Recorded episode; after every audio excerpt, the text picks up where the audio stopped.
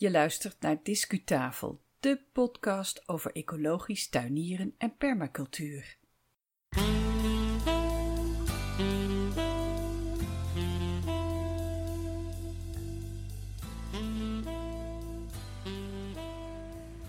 Welkom bij de Discutafel podcast. Fijn dat je weer luistert. Trouwens, kunnen jullie mij wel verstaan? Mijn naam is Jonne Smit en vandaag is 8 november 2018 is podcast aflevering 24. Jongens, dit is niet te doen meer. Daarom eerst een oproep. Discu Journaal. Wat je hoort, dat zijn hoveniers in mijn straat. Het zijn opnamen die ik heb gemaakt bij twee huizen in mijn directe woonomgeving afgelopen week. De bewoners die hebben een beperking en ze kunnen hun tuin niet zo goed zelf verzorgen, dus daar schakelen ze een hovenier voor in, in dit geval via de gemeente. Nou, dat is prima natuurlijk. Maar die hovenier die zorgt wel met zijn apparatuur voor behoorlijk wat uh, lawaai-overlast, moet ik zeggen, alle twee. En um, dat lawaai dat kan je tot ver over de straatgrenzen heen horen. Dat is voor mensen heel vervelend, maar ook voor de dieren die in de huizen en in de tuinen verblijven. En dan zijn de bladblazers nog niet eens geweest. Daarom een oproep aan hoveniers. Beste mensen, kan dit anders?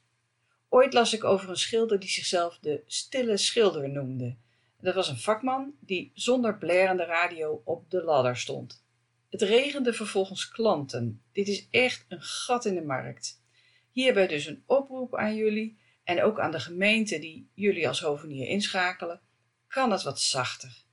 Er zijn intussen geruisloze heggenscharen op de markt Denk aan de buren van je klanten. Ook dat is ecologisch tuinieren. Dank jullie wel. Discu Nieuws. Nou, de rust is weer gekeerd en uh, in deze rubriek heb ik uh, vandaag drie onderwerpen. Als eerste. Onze podcast van 25 oktober die bevatte een kleine quiz, dat weet je misschien nog. Ik las een fragment voor uit een gedicht dat de titel heeft Als iemand mij nou maar. En de vraag was: over welke plant gaat dit gedicht? Nou, voor de winnaar had ik een zakje zaadjes klaargelegd van een tomaat, Moneymaker, en ik zou de winnaar trekken uit de correcte uitzendingen. Het gedicht is van Tjitske Jansen en het gaat over een tamme kastanje. Helaas heeft niemand het juiste antwoord ingezonden. Dat is jammer. Over een poosje volgt nog eens een quizje, stel ik voor. En dan wordt de prijzenpot gewoon verdubbeld. Behalve de tomatenzaden komt er dan nog een uh, prijsje bij. Dan het tweede onderwerp, een heel korte verwijzing naar mijn blog, waarin ik podcasting verbind met het bedrijfsleven. Voor de ondernemers of uh, geïnteresseerden in het bedrijfsleven onder jullie is dit misschien uh, leuk om even te lezen. De link staat in de show notes. Tot slot in deze nieuwsrubriek een nieuwtje van Veld. En dat is vooral leuk voor je als je meer wil, je meer wilt verdiepen in permacultuur in je eigen tuin. Want aanstaande zaterdag, 10 november, dan houdt Veld een gloednieuw boek ten doop dat de titel draagt Permacultuur van appelboom tot zeekool. Nou ben ik bevoorrecht, ik heb het al boek al kunnen doorbladeren. Ik bespreek het nu dus kort op basis van dat doorbladeren. En het is misschien goed om even te vertellen dat ik dat doe zonder enige vorm van tegenprestatie van de uitgever of zo. Wat ik erover zeg, dat is gewoon mijn mening voor jou als luisteraar van Discutafel. En ik vind het gewoon leuk om je dit nieuwtje mee te geven. Het boek bevat basisinformatie over permacultuur en er staan ook portretten in van tuiniers en hun ontwerpen. En er staat ook nog een eh, plantenlijst en een literatuurlijst in. Nou, wat is nou een goed tuinboek, vind ik? Uh, dat is een boek dat je eigenlijk moet motiveren om het zo snel mogelijk weg te leggen en de tuin in te rennen en aan de slag te gaan.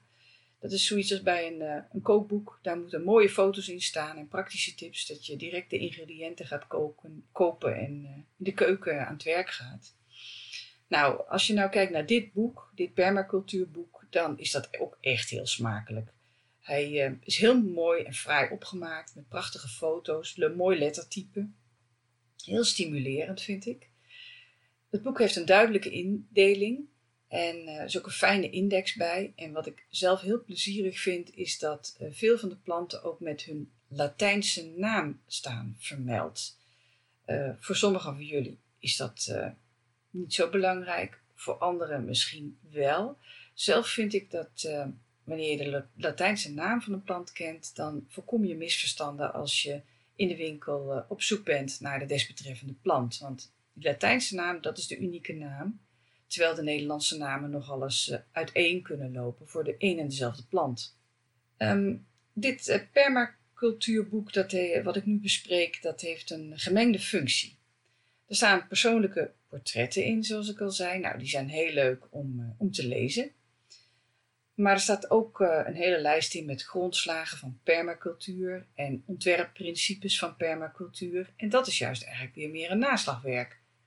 En die combinatie van functies vind ik wel een beetje jammer. Ik uh, zal zelf die persoonlijke portretten een keer lezen, maar één keer is genoeg. Terwijl ik uh, de naslaginformatie geregeld erbij zou willen pakken. En dan heb ik liever op die uh, extra pagina's die naslaginformatie nog wat verder uitgediept dan de persoonlijke portretten. Maar goed, dat is persoonlijk.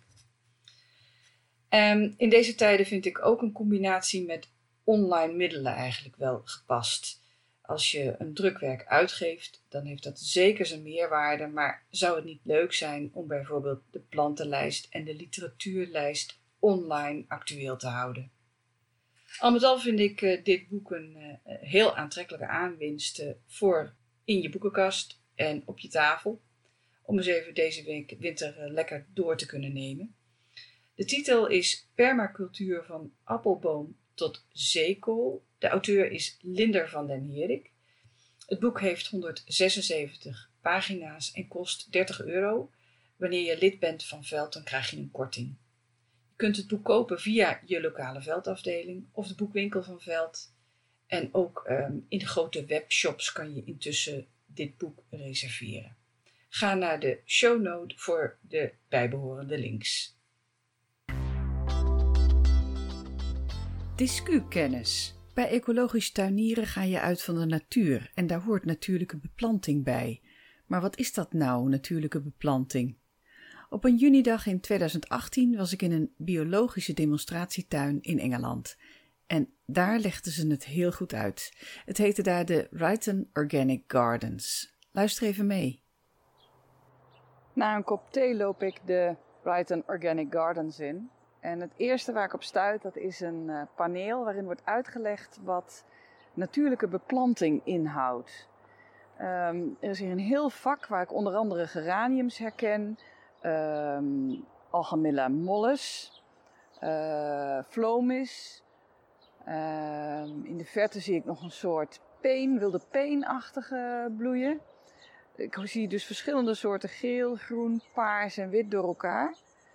En ze hebben deze planten gekozen omdat ze makkelijk uh, zich vestigen, omdat ze visueel aantrekkelijk zijn, omdat ze passen bij het plaatselijke klimaat en ook bij de bodem. Dat is een uh, vrij lichte, goed doorlatende bodem.